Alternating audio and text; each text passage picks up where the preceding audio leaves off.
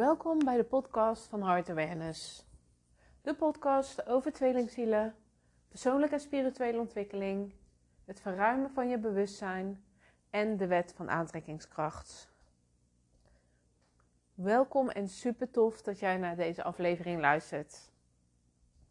Nou, ik heb het uh, twee weken geleden, denk ik, uh, heb ik een podcast eh, opgenomen over de verschuiving in relaties.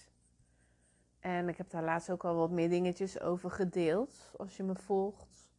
En um, ik merk dat dit echt dat dit speelt. Ik krijg um, ja, best wel veel vragen, uh, ook in de coachingsgesprekken uh, die ik heb, komt vaak dit naar voren. Hè, dat, uh, dat ze in een relatie zitten, maar hun tweelingziel hebben ontmoet. En dat is behoorlijk gecompliceerd. Want ja, je denkt een fijne relatie te hebben. Um, wat heel comfortabel voelt. Waar je elkaar door en door kent. Je weet wat je aan elkaar hebt. Je hebt heel wat opgebouwd samen, misschien wel kinderen samen. En dan ontmoet je iemand die jou zo diep raakt dat je denkt van oké, wat gebeurt hier? Wat is er aan de hand?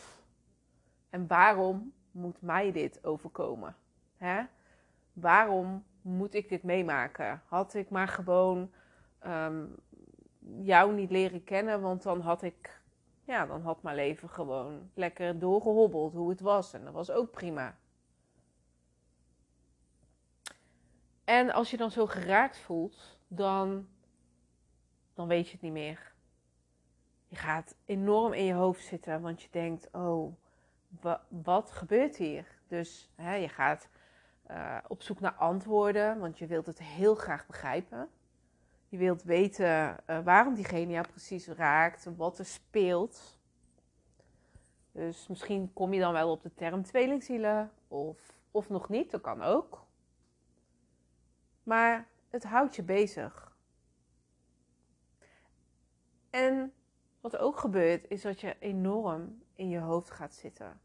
Want hè, je wilt het heel graag begrijpen, maar je gaat ook bedenken van ja, maar ik, ik heb ook gewoon een relatie. En misschien wel een gezin. Dus wat moet ik hiermee? En vanuit je hoofd ga je, ja, wil je oplossingen gaan bedenken.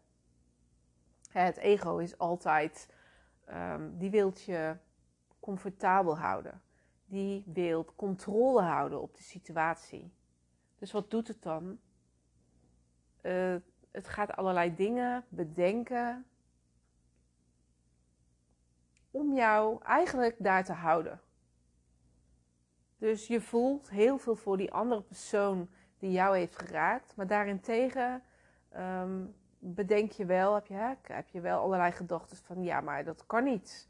Want ik heb een relatie, ik heb misschien wel kinderen.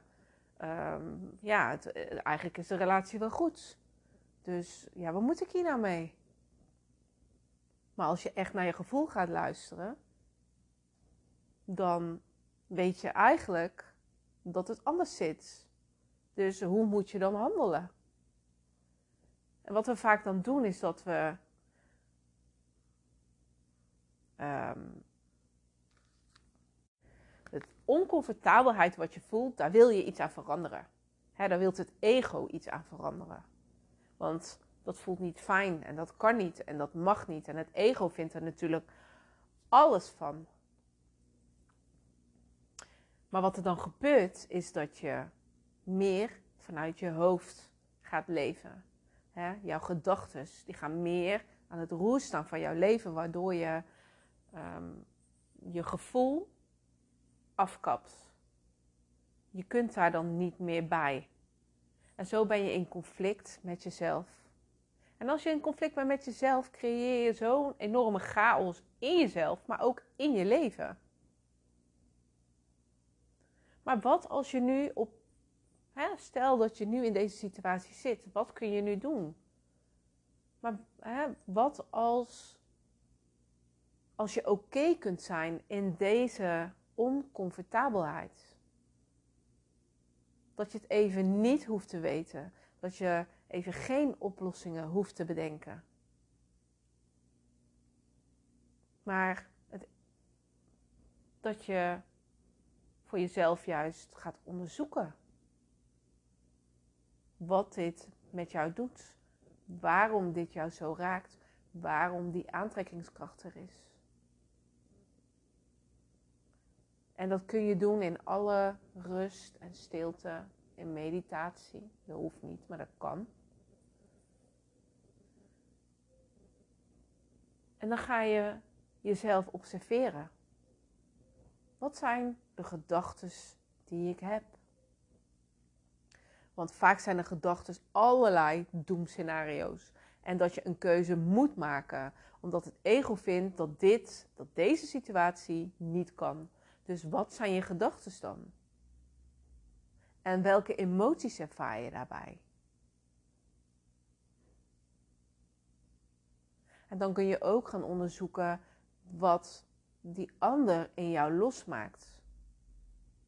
Want achter die triggers, dat, daar zit een spiegel. Het laat jou altijd een diepere betekenis zien.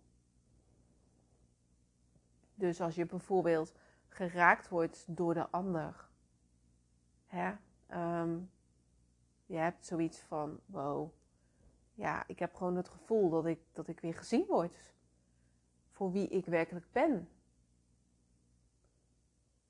En als je dan teruggaat naar dat stukje, dan mag je dat ook weer voor jezelf gaan onderzoeken van oké, maar waar komt dat dan vandaan? Want dat heeft ook weer een, dat gaat ook weer diepere lagen verder. En zo kun je de dingen meer helder krijgen voor jezelf. Sowieso wat de ander in jou raakt. Maar ook ehm, hoe jouw ego controle wilt hebben over de situatie. Want in feite, je hoeft geen keuze te maken.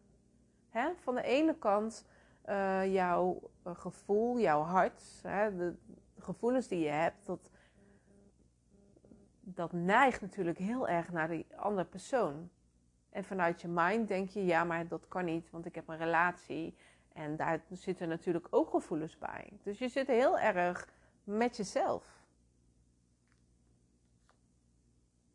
En het idee dat je, dat je nu zo geraakt wordt en dat je een keuze moet maken, omdat je misschien wel bang bent dat je of je tweelingziel kwijt kan raken, of uh, dat het uh, ja, iets in jouw relatie verder doet, omdat de ander iets merkt. Of misschien heb je het wel gedeeld met je partner, dat kan ook.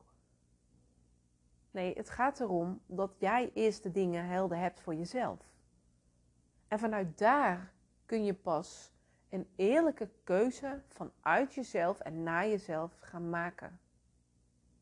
Dus je hoeft niet te haasten. En je hoeft ook niet te bedenken van dan kan ik de ander kwijtraken. Want dat is de grootste illusie die er is.